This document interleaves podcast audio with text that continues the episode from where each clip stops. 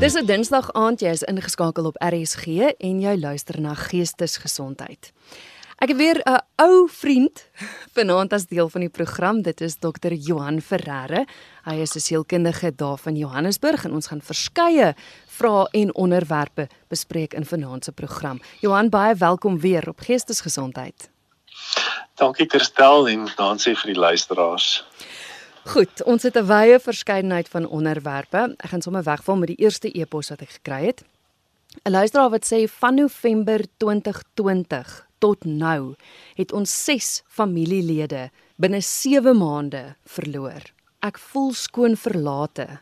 Ons verwerk nog die een verlies en dan volg die ander een. Dit is ah. Christina van Brits. Wat so ekskuus Christa van Brits. Ja, kyk Christel, ehm um, ons ons leef tans in 'n in 'n geweldige uitdagende tyd en ek dink ons probeer dit almal so ver as moontlik normaliseer terwyl dit eintlik per definisie nie normaal is nie. So so ek dink ons moet ons moet besef dat ons in hierdie seisoen trauma beleef in terme van twee tipes verlies. Daar's 'n kollektiewe en 'n individuele verlies. Kollektief van die ganse wêreld beleef tans dieselfde trauma en ons deel dit werklik met alle ander mense jy weet so die die omvang van wêreldwye verliese, uh lewensverlies, verlies aan vryheid, gesondheid, sosialisering, reis, normale lewenservarings is vir ons baie erg. En dan binne daardie kollektiewe verlies beleef ons nou ons individuele verliese wat wat die verlies aan aan mense lewens is en en hierdie ander goed wat ek genoem het. Omdat dit nou meer as een is. Uh jy weet dis van van my van my ouer pasiënte sê dit is so dit is so 'n stukkie van 'n belewenis van 'n oorlogssituasie waar die omvang van ons verliese is is veelvuldig. Dit daar sterf nie net een mens nie, daar sterf 'n klomp mense in een familie of in een vriendekring of in een gemeenskap. En dit kompliseer reg waar ons rouproses. Jy weet gewoonlik ehm um, pre die pandemie het in 'n bepaalde gemeenskap weet miskien twee maal 'n jaar iemand gesterf. En dan het ons almal genoeg energie en en empatie om werklik hierdie mense diep en betekenisvol te kan ondersteun. Maar wat huidigelik gebeur is, weet ons almal beleef die verlies. So almal se empatie en se se meelewing is so bietjie minder. En ek dink dit laat ons almal geweldig blootgestel voel en en dit stomp ons eintlik emosioneel af omdat ons eintlik met hierdie afwagting leef dat dat daar daar nog 'n trauma gaan wees, daar gaan nog 'n verlies wees. So ons moet net nugter wees hieroor en besef dis 'n dis 'n gekompliseerde kollektiewe proses van verlies en rou waarin ons in ons is en dat ons dat ons regtig waar baie meer tyd en aandag fokus, intensie daaraan moet gee om om deur hierdie rouprosesse te kom. En dan jy weet as ons as ons oor die dood praat dan jy weet ons kan nie eens ons kan nie eens rou soos ons gewoonlik gerou het nie. Ons kan mekaar nie sien nie. Kan nie regtig waar as ons na 'n begrafnis toe gaan ons ons familie vashou nie. Ons kan nie op hulle skouer huil nie. Ons proses van treur het ingrypend verander. So dit dit dit, dit maak nie dat mense werklik waar baie geïsoleerd moet rou en moet treur en dis teen ons menslike natuur. Ons is sosiale wesens.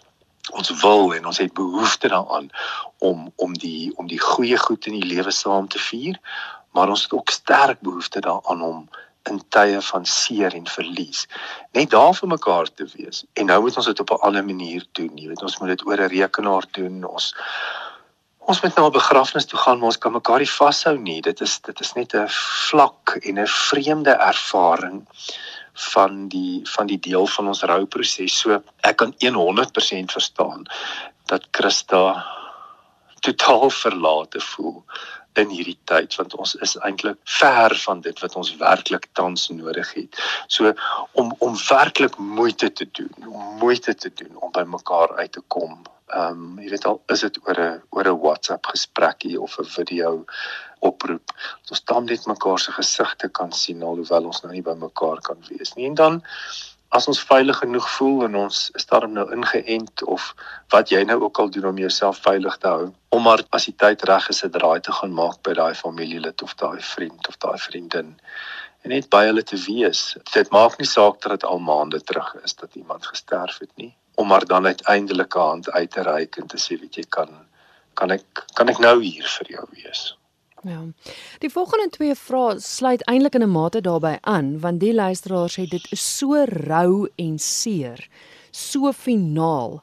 Ek moet op 'n foto groet na 46 jaar en 5 maande se getroude lewe. Hoe, wat, ja. wanneer? Ja, jy jy kan die jy kan die desperaatheid en die die verlatenheid in daai boodskap hoor. Jy weet van van hoe hoe um, ek weet nie eers hoe om dit te doen nie. Ja. Ehm um, so wat ons in hierdie tyd moet doen is om is om werklik waar tot stilstand te kom binne in onsself en te besef dat ek op 'n unieke uh en dalk op 'n nuwe manier moet in my binnewêreld afskeid neem van iemand wat ek so lank geken het en by wie ek nie eens kon wees as hulle gesterf het nie. Jy weet daai daai rituele wat ons het om by iemand te wees of om na iemand se liggaam te gaan kyk of om net by hulle net by hulle te sit na hulle gesterf het, net hulle hand vas te hou. Sommige mense het 'n diep behoefte daaraan. So al daardie dimensies van ons rouproses is nou van ons al weggeneem. En en moet ons dit nou eintlik vervang met met iets anders. So wat wat regtig goed kan werk, maar dit is dit is nogal 'n 'n uitdaging is om is om werklik op jou eie te gaan sit dalk jou fotoalbums uit te haal, dalk 'n mooi stukkie musiek aan te sit, te dink aan aan mooi herinneringe en werklik intentioneel te rou om vir jouself toestemming te gee om om net hartseer te wees, om te huil, waarsku maar jou familielede dat jy dit gaan doen dat hulle nou nie dink dat jy nou 'n ineenstorting beleef nie, maar dat jy maar eintlik net 'n deel van jou rouproses beleef. En dan moet ons almal onthou ons rou teen verskillende passe. Sommige mense rou baie vinniger as ander mense. Ander mense vat lank en hulle hulle moet in die diep dimensies van verlies gaan sit. So om reg tyd daarvoor te maak om om 'n rouproses te wees is nie dieselfde as om klinies depressief te wees nie. Natuurlik sluit 'n rouproses gevoelens van depressie en angstigheid in. Maar Dit beteken nie dat jy nou siek is nie en dat jy nou iets mekeer nie. Dit beteken dat jy in 'n rouproses is. So wat wat hierdie wat hierdie luisteraar kan doen is om net toestemming te gee aan haarself of aan homself om te sê, weet jy, ek gaan ek gaan nou rou. Ek gaan hartseer wees. Ek gaan nie maak of ek of ek reg is en of ek hierdie reeds verwerk het nie en ons moet almal almal genade hê van mekaar en besef hierdie gaan baie langer vat as wat ons gedink het. Ons is in 'n dinamiese voortsleepende trauma en ons moet onsself ons moet onsself die die voorreg gee. Jy weet ons moet genoeg respek hê vir die dood en vir die rouproses om te besef hoe lank dit vat en en hoe seer dit ons maak en hoe intens dit is. So asseblief moenie moenie net dink ons kan oor dit wip en dan en dan is ons reg nie. Dis maar wat ons ontkenning noem, dis 'n baie ongesonde proses. Neem jou tyd, ehm um, wees kreatief, sit dan met 'n fotootjie as jy moet, praat met jou geliefdes en en weet net jy moet hierdie tyd aan jouself gee. Hmm, ek dink dit is baie goeie praktiese raad wat jy gee want ander luisteraars sê ook dit is asof mens nie afsluiting kan kry omdat jy nie by die begrafnis was nie. So ja, ek dink ek dink dit gaan ook daarmee help. Nog 'n luisteraar het 'n e-pos gestuur wat sê ek bly in 'n ouer huis in Durban en ek is vreeslik mishandel. Dit is deur die nuwe gebiedsbestuurder. Dit is toe ek op 10 Augustus op 'n dooie liggaam wat in die gang in die ouer huis gelos was, uh, op afgekom het en ek het dit toe rapporteer. Ek was emosioneel geblok vir 5 dae daarna Ek het dit aan die departement van Developmental Services gerapporteer. Hulle gaan dit ondersoek. Sy skryf verder: Ek is bekommerd dat hy gaan wegkom met die hele ding want hy het gelieg oor die gebeure en dat die liggaam nie daar was nie. Die man is 'n monster en hy trek van die ander ou mense nou in die situasie in en die maatskaplike werker ook. Uh, dit kom van Shamaine in Durban. Sy sê sy het die SMS gestuur oor emosionele probleme in die ouer huis. Nou ja, Johan, dit klink vir my nou iets ondenkbaars, maar maar uit die aard van die saak as so iets gebeur? Weet jy, weet jy kerstel dit is dit klink inderwaarheid ondenkbaar soos jy dit noem, maar daar is ongelukkig tans verskriklik baie mense wat ehm um, deur sulke tipe van trauma gaan. Bloot net bloot net omdat die die hele stelsel rondom versorging en mense wat sterf en hoe begrafnisondernemers totaal oorweldig is en hoe lijkhuise totaal oorweldig is deur die deur die blote hoeveelheid van mense wat in hierdie tye gesterf het. So dis nie dis definitief nie die eerste ehm um, van so 'n geval wat ek nou in die afgelope 18 maande hoor nie. En dit maak die die trauma van dit wat ons dis wat ons in elk geval beleef maak dit nou natuurlik net soveel erger. Van dit dit dit klink eintlik na iets wat nie behoort te gebeur nie en tog gebeur dit nou wel. So die beste wat so iemand kan doen is om te sorg dat dit dat dit by herhaling aan die regte persone gerapporteer word. Ons ons moenie toelaat dat dat een persoon of twee persone so 'n situasie kaap deur deur ons te intimideer. Jy weet as as hulle jou dan intimideer om maar te sorg dat jy aanhou praat daaroor sê vir jou familielede sê vir jou vriende kyk of daar ander mense is wat in dieselfde instansie as jy is bly wat bereid is om jou te ondersteun. Eers moet sulke tipe van inligting tog na die lig kan sien sodat dit kan ophou dit is nie dit is nie die tipe van situasie wat aanvaarbaar klink by verre nie dit klink soos emosionele en fisiese misbruik en hoe hartseer dit nou ook al is ons weet dat sulke dinge gebeur. So die enigste manier wat ons eintlik dit kan teestaan is om dit aan die lig te bring, om aan te hou daaroor praat, om vir die regte mense te sê en en uiteindelik te sorg dat die die persoon wat dan nou hierdie dade pleeg wat wat nou hierdie besluit neem om hulle so te hanteer uiteindelik blootgestel kan word. Um in die tussentyd om jouself maar veilig te hou, te sorg dat jy met mense daaroor praat, dit in in inderwaarheid is die die ervaring daarvan self 'n ongelooflike groot trauma. So om dit nie te minimaliseer of te onderskat nie, maar om dit asseblief net nie te los um en niks daaraan te doen nie, want dit gaan jou ongelooflik hulpeloos laat voel en natuurlik die persoon toelaat om dit aan te hou doen. Hmm. Hierdie klink vir my na 'n voorbeeld van magsmisbruik en en ek en ek dink ja. dis iets wat deurgetrek kan word na so baie dinge toe in 'n maatskappy en daai magsmisbruik deur 'n persoon in 'n maatskappy of waar ook al kan 'n ongelooflike invloed op iemand se vermoë hê om te werk, se se emosie. Hoe hanteer mens dit as jy as jy met met iemand sit wat reg sy mag misbruik? Ja, kyk mens moet wys wees in die situasie as jy ehm um, as jy as jy werklik in 'n situasie is waar jy jou waar jy jou werk kan verloor of waar hierdie persoon jou verdere skade kan aandoen, dink ek moet jy die die ingreep wat jy wat jy gaan doen baie goed beplan en nie probeer om nie emosioneel impulsief daaroor te wees nie. Om eers met iemand buite die organisasie dan daaroor te gaan praat net om eh, 'n mate van objektiviteit te kry en om dan die ingreep te beplan om te besluit met wie mens praat en wanneer jy met die persoon praat om hierdie gedrag dan nou um blootgestel te kry. Die dilemma is, jy weet, as die persoon in 'n posisie van absolute mag is, is daar eintlik baie min wat mens daaraan kan doen en wat jy eintlik al al besluit wat jy dan kan neem is om jouself uit die situasie uit te verwyder. Um indien dit moontlik is maar om daar te bly is natuurlik verskriklik sleg want dit laat mense dan nou verder magteloos, hulpeloos, hopeloos uiteindelik voel. So dis maar dis 'n dis 'n komplekse situasie wat uiteindelik binne die organisasie aangespreek kan word as daar vir jou genoeg ondersteuning is as daar iemand is wat bereid is om te luister. Maar as dit nou byvoorbeeld die eienaar van 'n besigheid is, dan is daar eintlik baie min wat mens aan die persoon kan doen tensy hulle, jy weet, tensy hulle krimineel optree. Maar as dit oor emosionele misbruik gaan en en magsmisbruik gaan dan hang dit maar af van die hoeveelheid mag wat die persoon het en dan soms kan mens iets daaraan doen. Iemand kan die persoon dalk aanspreek of uh, anders moet mens jouself uit die situasie uit verwyder. Die volgende vraag het iets te doen met wat tans in die nuus is. Nou, ek weet teen die tyd wat hierdie hierdie gesprek tussen my en jou uitgaan, eh, was daar seker dalk 'n klomp ander verwikkelinge gewees. Maar dit gaan oor die vrou in Nieu-Seeland wat haar drie kinders na bewering vermoor het. Ek het na 'n onderhoud geluister waar die dame wat hulle opgepas het toe hulle nog in Suid-Afrika was, gepraat het oor die vrou en gesê het sy, sy kan nie sy kan nie dink dat die vrou in staat is tot dit nie. Sy het baie lank gesukkel om kinders te kry. Sy was so lief gewees vir die kinders en dit wat die vrou na bewering gedoen het en die vrou wat sy geken het, dit dit klop net nie. Dit maak nie sin nie.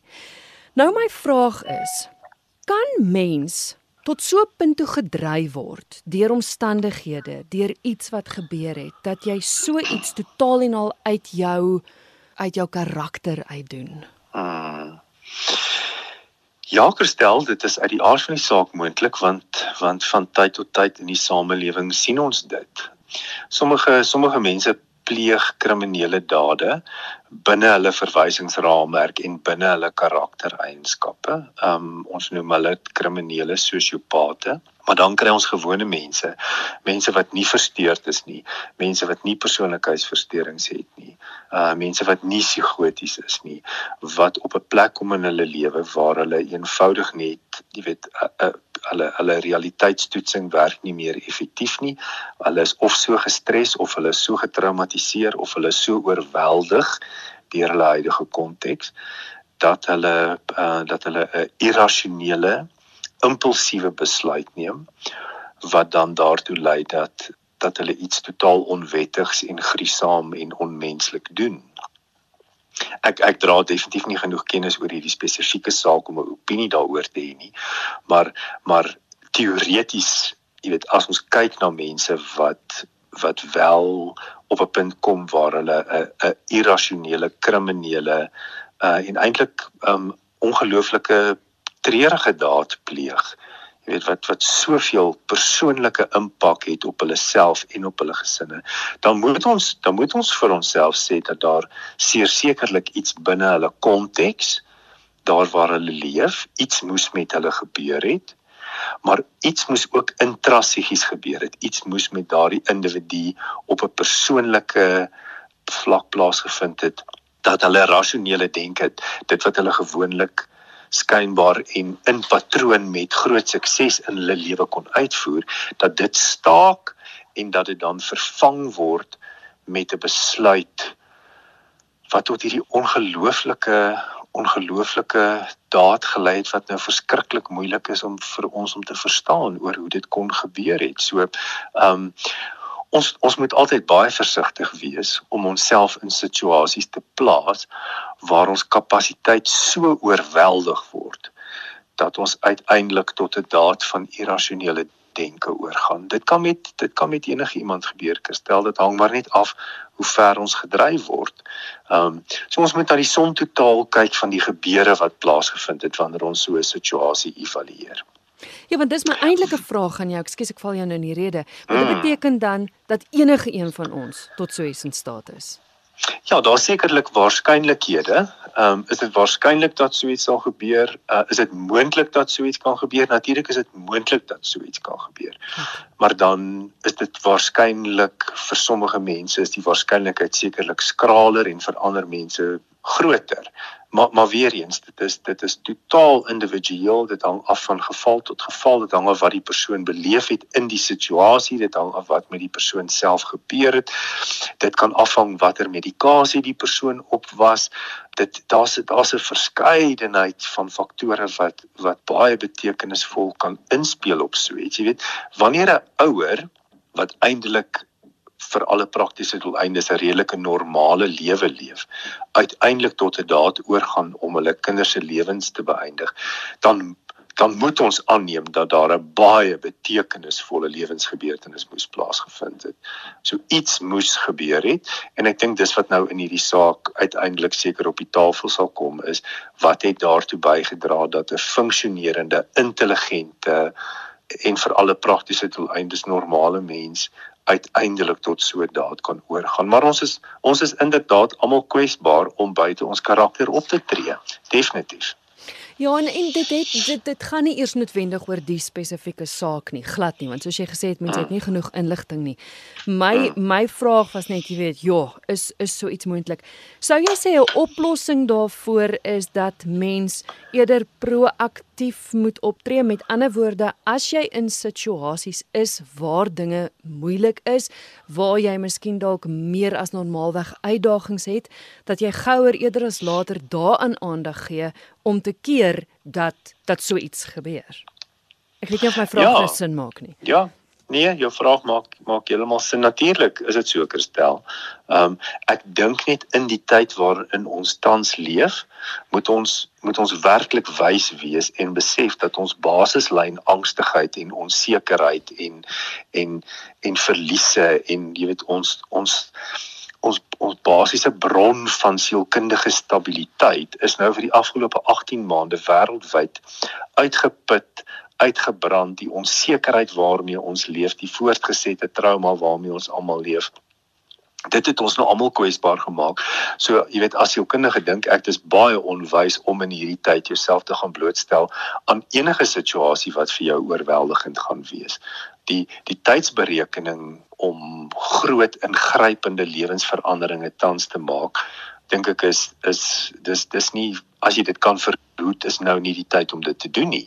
Ehm um, want ons almal se kapasiteit is laag. So indien jy wel so 'n situasie beleef en dit is nou onverwendbaar en iets iets groots en betekenisvol gaan en moet nou met jou gebeur, dan dink ek moet mens baie waaksaam wees en jy moet jy moet baie mooi na jou ondersteuningsbronne kyk moet jouself so ver as moontlik nie isoleer nie.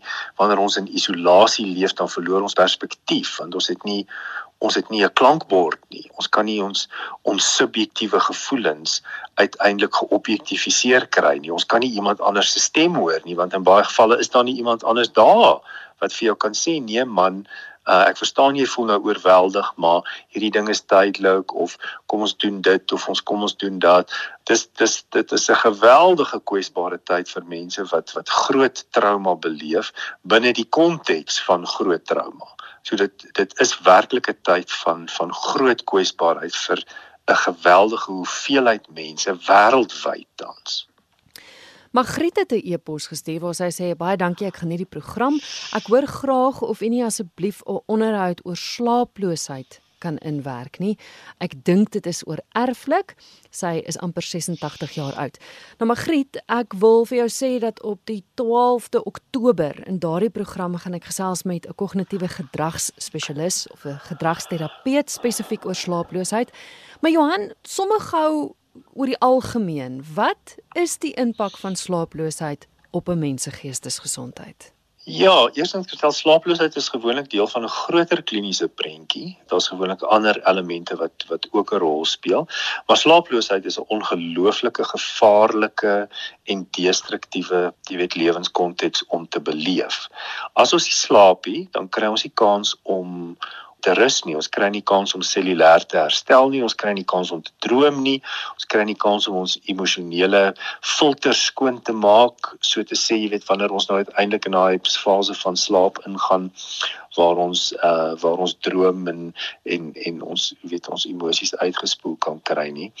En dit dit, dit lei daartoe dat mens dat mens werklik um 'n groot deel van jou van jou verstandsfunksionering kan begin verloor want jy kan later nie meer rasioneel dink nie. Jy weet, uh mense gebruik, jy weet, gebruik slaaploosheid as 'n as 'n tegniek om mense um so ver te kry om jy weet vir hulle allerhande goed te vertel. So dis 'n dis 'n dis 'n proses van marteling Um en dit is uiteindelik hoe erg dit vir mense word wat nie kan slaap nie. Hulle voel of hulle gemartel word deur die slaaploosheid. Hmm. weet die die oorerflikheid daarvan, dit gaan maar gepaard saam met 'n jy weet 'n groter kliniese prentjie waar ons weet dat dat depressie en angstigheid, jy weet, um sterk geneties oorerflik is vir sommige mense en slaaploosheid is 'n is is jy weet is is een van die simptome van van so 'n groter groep van simptome wat werklik tot disfunksionaliteit in mense se lewens kan leef. Ons word siek, ons word vinniger siek. Ons immuunstelsel is onderdruk. Ons emosionele belewenis van die wêreld is heeltemal anders as ons nie geslaap het nie. Dit tas ons eetlus aan, dit tas ons seksualiteit aan, dit tas ons geduld aan dit belemmer dit belemmer eintlik die hele stel van persoonlikheidstrekke wat ons werklik het indien ons nie slaap nie. So ehm um, maar maar ek is bly julle gaan 'n volledige program daaroor doen want dit is werklik 'n 'n uitgebreide onderwerp. Ja, so asseblief Magriet, die 12de Oktober kan jy inskakel daarvoor. 'n Luisteraar skryf my seentjie is nou 4. Ek het hom na 'n paar keer gevang dat hy masturbeer. Ek het nie geweet 'n kind van 4 weet al daarvan nie. Is dit normaal? Is dit omdat hy iemand anders dit sien doen het? Ja, as 'n kind van 4 seksuele gedrag openbaar, dan moes hulle dit eers gesien het of hulle moes dit uh eers gehoor het of iemand, jy weet, iemand het hulle liggaampie geseksualiseer. Hulle kinders van 4 weet nie weet nie spontaan dat hulle liggaam 'n sekere belewenis sal hê indien hulle masturbeer nie. Uh hulle is nie hulle is op 4 is jy nog nie seksueel bewus of kan jy werklik ehm um, seksuele gevoelens beleef nie. So dis 'n dis 'n dis 'n fisiologiese reaksie indien die die seentjie nou masturbeer, dan gebeur daar iets met sy liggaampie, dis vir hom lekker. Ja, uh, dis 'n dis 'n manier wat hulle hulle self mee vertroos, as hulle dalk hartseer of gespanne is dan dan masturbeer hulle en dan dan is daar is uh, jy weet 'n stukkie vertroosting vir hulle daarin. My opinie is regtig vir dat ons uh, jy weet 'n 4-jarige maar net maar eintlik hulle aandag daarvan moet aftrek, nie te veel van 'n storie daarvan moet maak nie. Jy weet indien die indien die gedrag um meer as masturbasie is om dalk maar die die kind by 'n spelterapeut te kry om te sien of daar 'n vorm van seksualisering plaasgevind het of daar of daar dalk seksuele molestering gebeur het. Maar in meeste gevalle is dit is dit maar 'n 'n bewussyn wat geskep was rondom masturbasie. 'n Familielid of 'n of 'n iemand by die jy weet by die speelgroepie of um jy weet 'n ouer 'n ouer maatjie, 'n ouer boetie, 'n ouer neefie, 'n ouer jy weet kind van 'n vriend het het dalk uh jy weet het dalk maar net gewys, jy weet, um as jy nou dit doen dan dan voel jy nou lekker. So op vier trek maar hulle aandag daarvan af. Moet nou nie straf nie, moet nou nie 'n uh, vreeslike storie daaroor maak nie. Sê net weet jy hierdie ons hoef nie dit te doen nie. Um trek hulle aandag af kry hulle om met 'n ander speeldingetjie te speel en en sien of dit uiteindelik oor tyd sal weggaan. Meeste meeste kinders op 4 as jy as jy hulle effektief hulle aandag daarvan aflei, dan dan sal die gedrag eintlik ophou omdat daar nie eintlik 'n motivering is vir die gedrag om aan te hou nie. Ja. Ehm um, ja, maar die beste die beste is maar as dit aanhou om dalk maar net by 'n terapeut uit te kom en en net die net die probleem so gou as moontlik op te los. Johan, hoe belangrik is dit om 'n gesonde gesprek oor seks met jou kind te hê? Ek ek weet daar's baie reekse en mens moet seker nou nie altyd alles glo wat jy op die televisie sien nie, maar dikwels as jy kyk na iets soos reeksmoordenaars of of mense wat regtig psigopatiese probleme het, dan word dit teruggetrek na hulle kinderdae en belewennisse wat hulle gehad het rondom seks, gesprekke, dinge wat vir hulle gesê is. Ongesonde manier van kyk daarna. Hoe, hoe belangrik is dit om ja. reg te praat daaroor?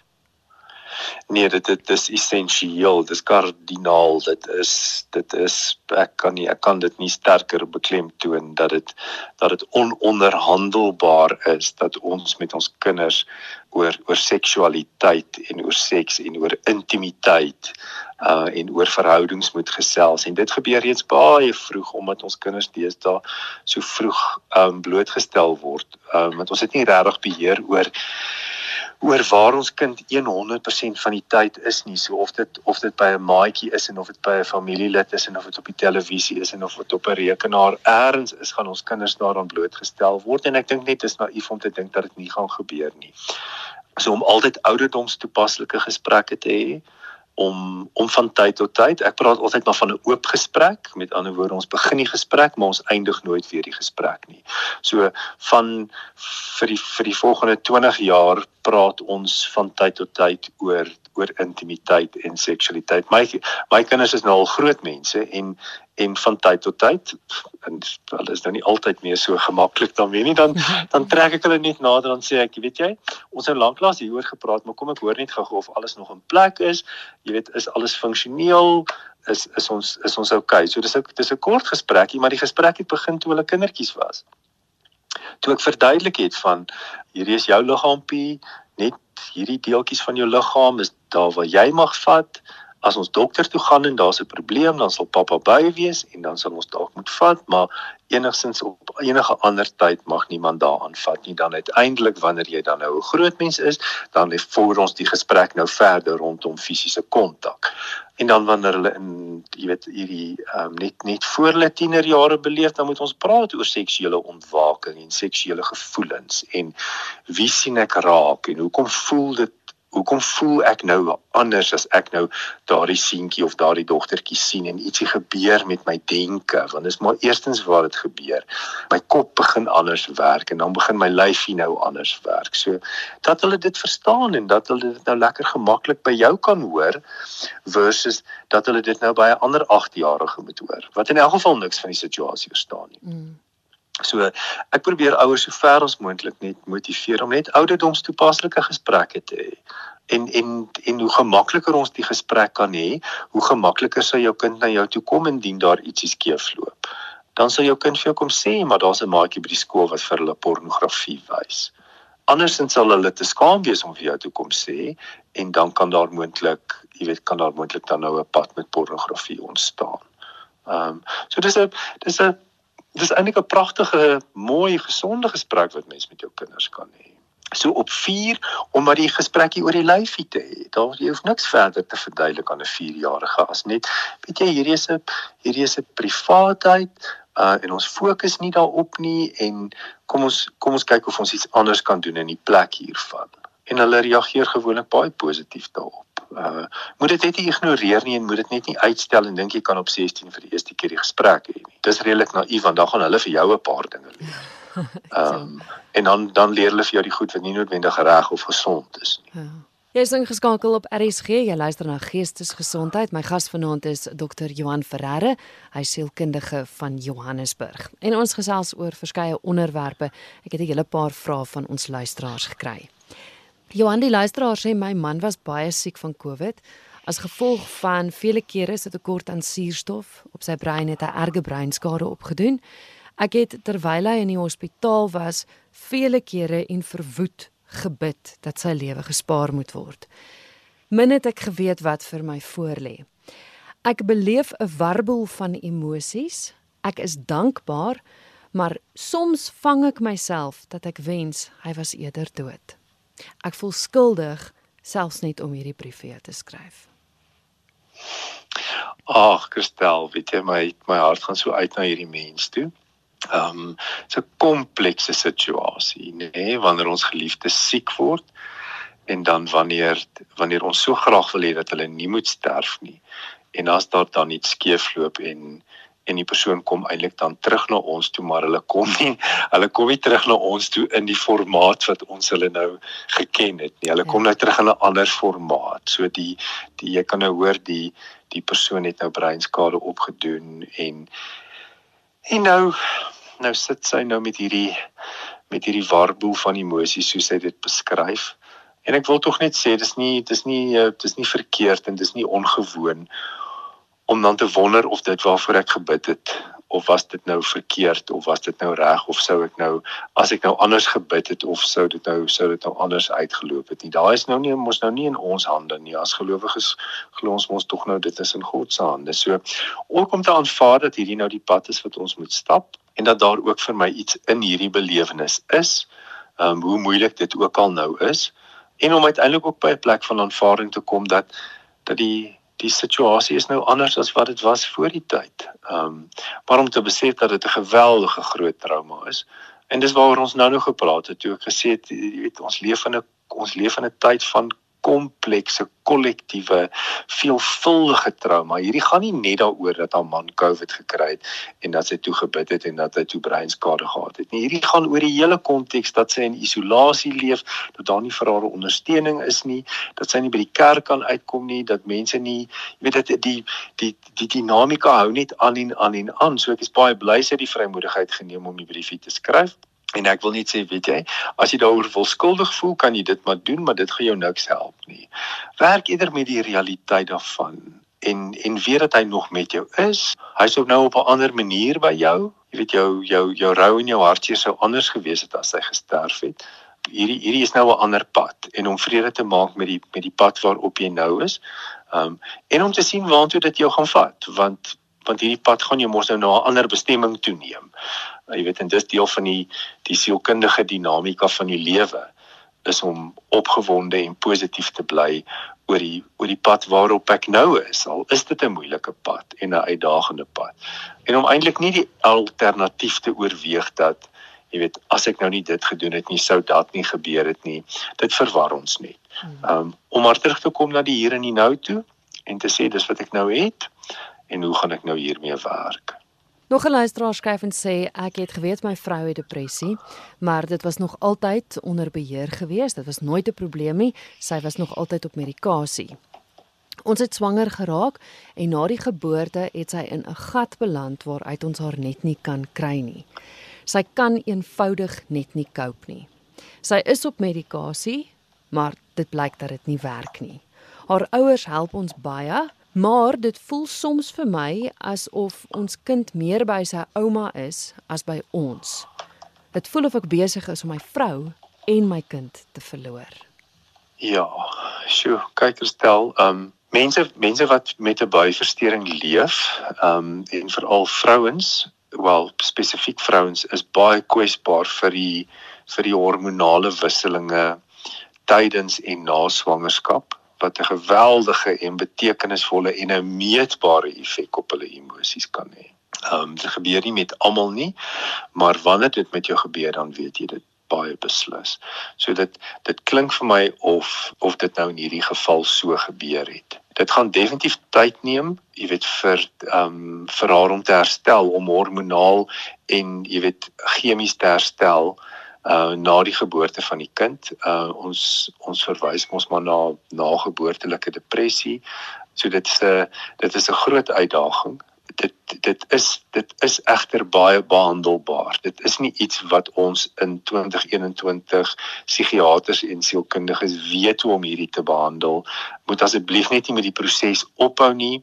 Moet asseblief nie laat sy van haar medikasie afgaan nie. Maak seker dat sy by haar by haar huisdokter of haar psigiater uitkom dat hulle weer na die medikasie kan kyk. Ek weet mense verval baie keer in 'n in 'n plek van moedeloosheid en dan doen mense niks daaraan nie maar daar is definitief 'n antwoord daarvoor. Ehm um, sy sy sy moet ook, jy weet, as sy 'n langtermyn depressie leier is, jy weet by 'n sielkundige uitkom om vir 'n bietjie met met kognitiewe gedragsterapie te kan help sodat sy jy weet net in die oomblik kan weet, maar daar is iets wat ek nou kan doen of nou op 'n manier wat ek nou kan dink wat vir my net in hierdie oomblik verligting uit hierdie gat van depressie uit kan gee. Maar om te besef dat uh, dis daar's nie 'n vinnige oplossing nie, maar daar is definitief 'n pad. Ehm um, dis dis wonderlik dat daar dat daar oupas en oumas is wat wat help en ondersteun en in hierdie tyd moet mens eenvoudig maar net van hulle hulp gebruik maak sover as wat mens kan. Maar om hoopvol te bly en om en om net nie op te hou met die behandeling waarop sy reeds is nie, maar om om geldige terugvoer te gee sodat die sodat die psigiater of die of die huisdokter presies weet wat aangaan. Baie belangrik. Die volgende vraag is nogal 'n interessante een. Dit gaan oor sprokies. Ek dink dit is ook na aanleiding van sprokies wat uh, op RSG voorgeles word. Die luisteraar sê Ek luister dikwels daarna in die oggend en besef telkens hoe besonder gruisam dit is. Die luisteraar wil weet of sprokies nog 'n plek in vandag se samelewing het. Veral as mens kyk na die omstandighede waarin ons tans leef en die wêreld wat om ons gruisam is. Ja, ehm um, kyk verstel ek het maar 'n ek het maar 'n baie persoonlike oortuiging rondom die die hele sprokies fenomeen en dit is maar dat dit jy weet dit is dit is deel van ons letterkunde, dit is deel van ons opvoeding.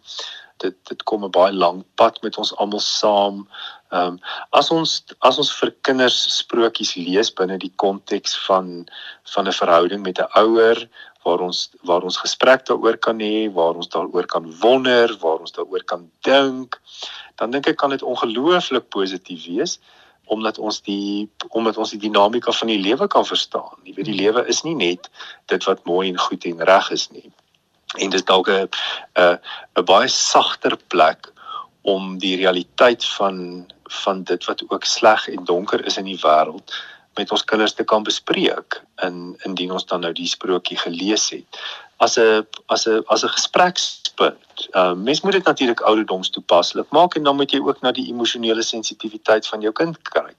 Jy weet 'n kind wat gaan nagmerries kry na jy vir hulle 'n sprokie gelees het, ehm um, is dalk nog nie emosioneel reg om na die inhoud te kyk nie.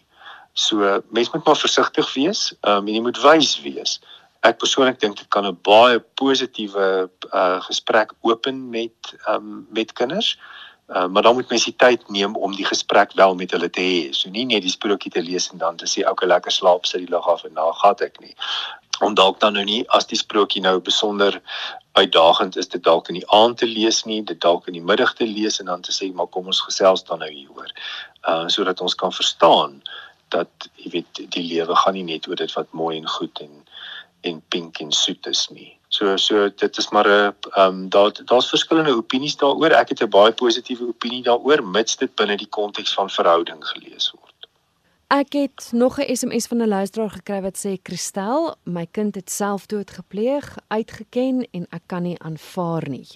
Ek hou hom lewendig en ek kry baie swaar. Hoe verwerk ek dit? Ek het sy as, maar ek kan nie afskeid neem nie.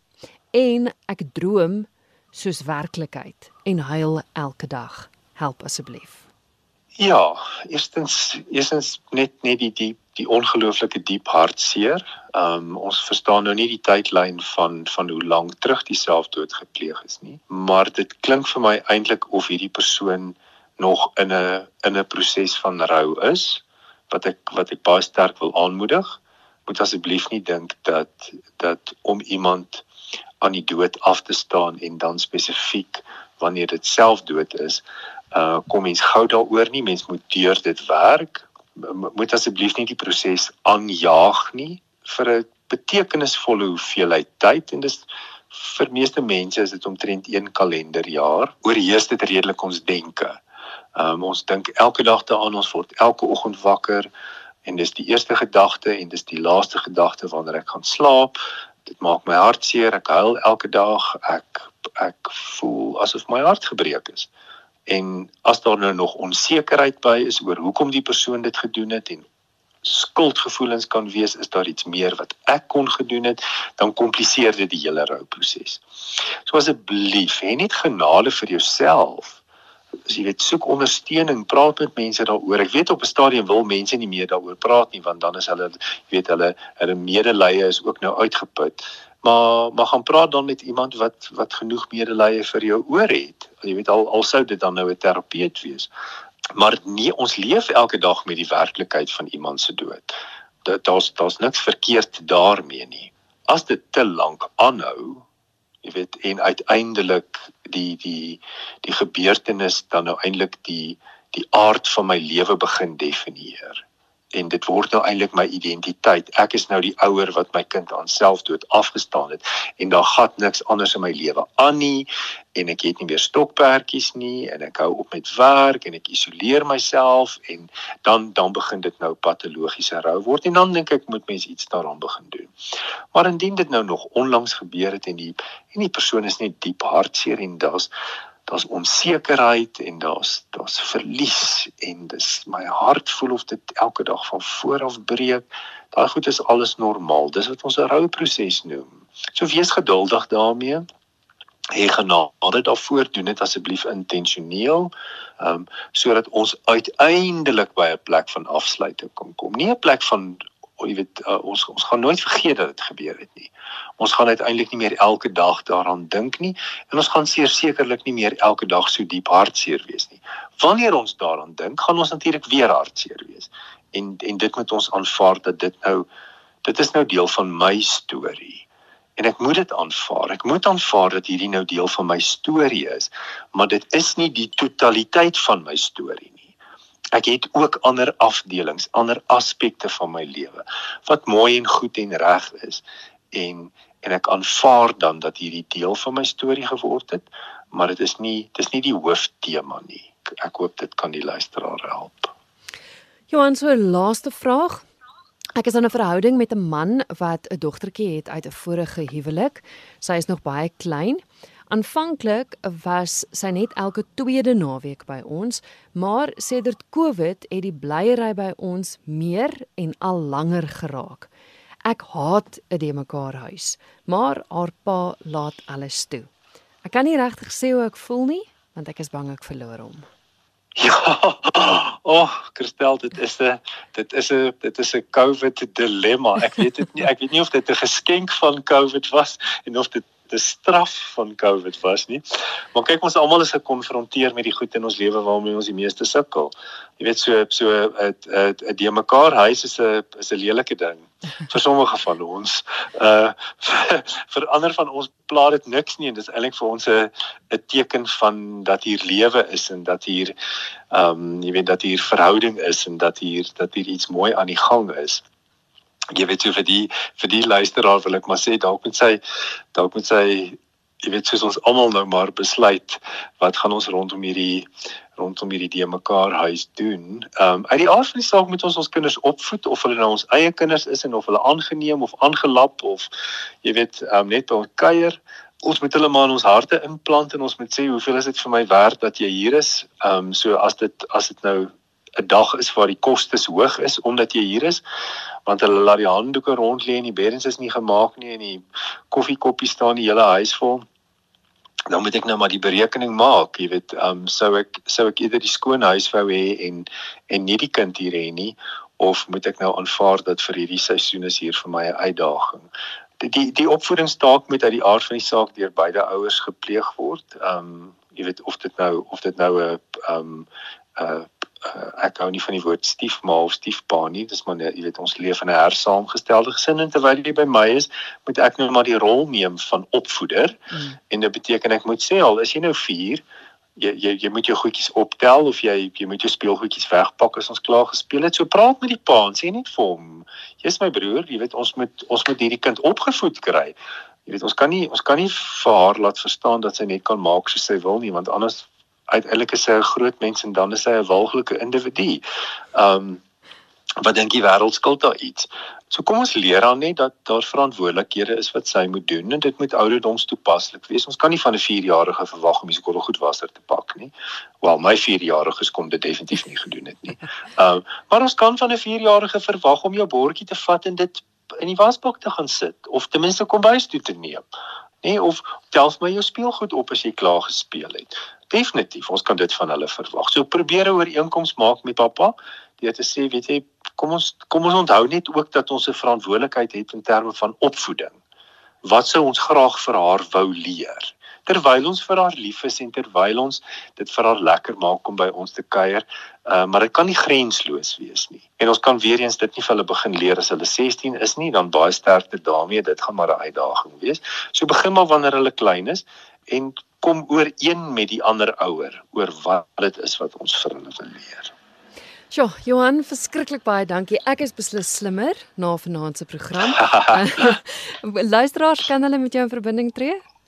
Hulle kan as hulle wil vir my 'n e e-pos stuur na johanf@mosaik.com en dan kan ons dan kan ons van daar af gesels. My gas, die sielkundige Dr. Johan Ferreira. Baie dankie aan almal wat hulle vrae aan my gestuur het. Jy kan natuurlik jou vraag vir 'n volgende keer aan my stuur.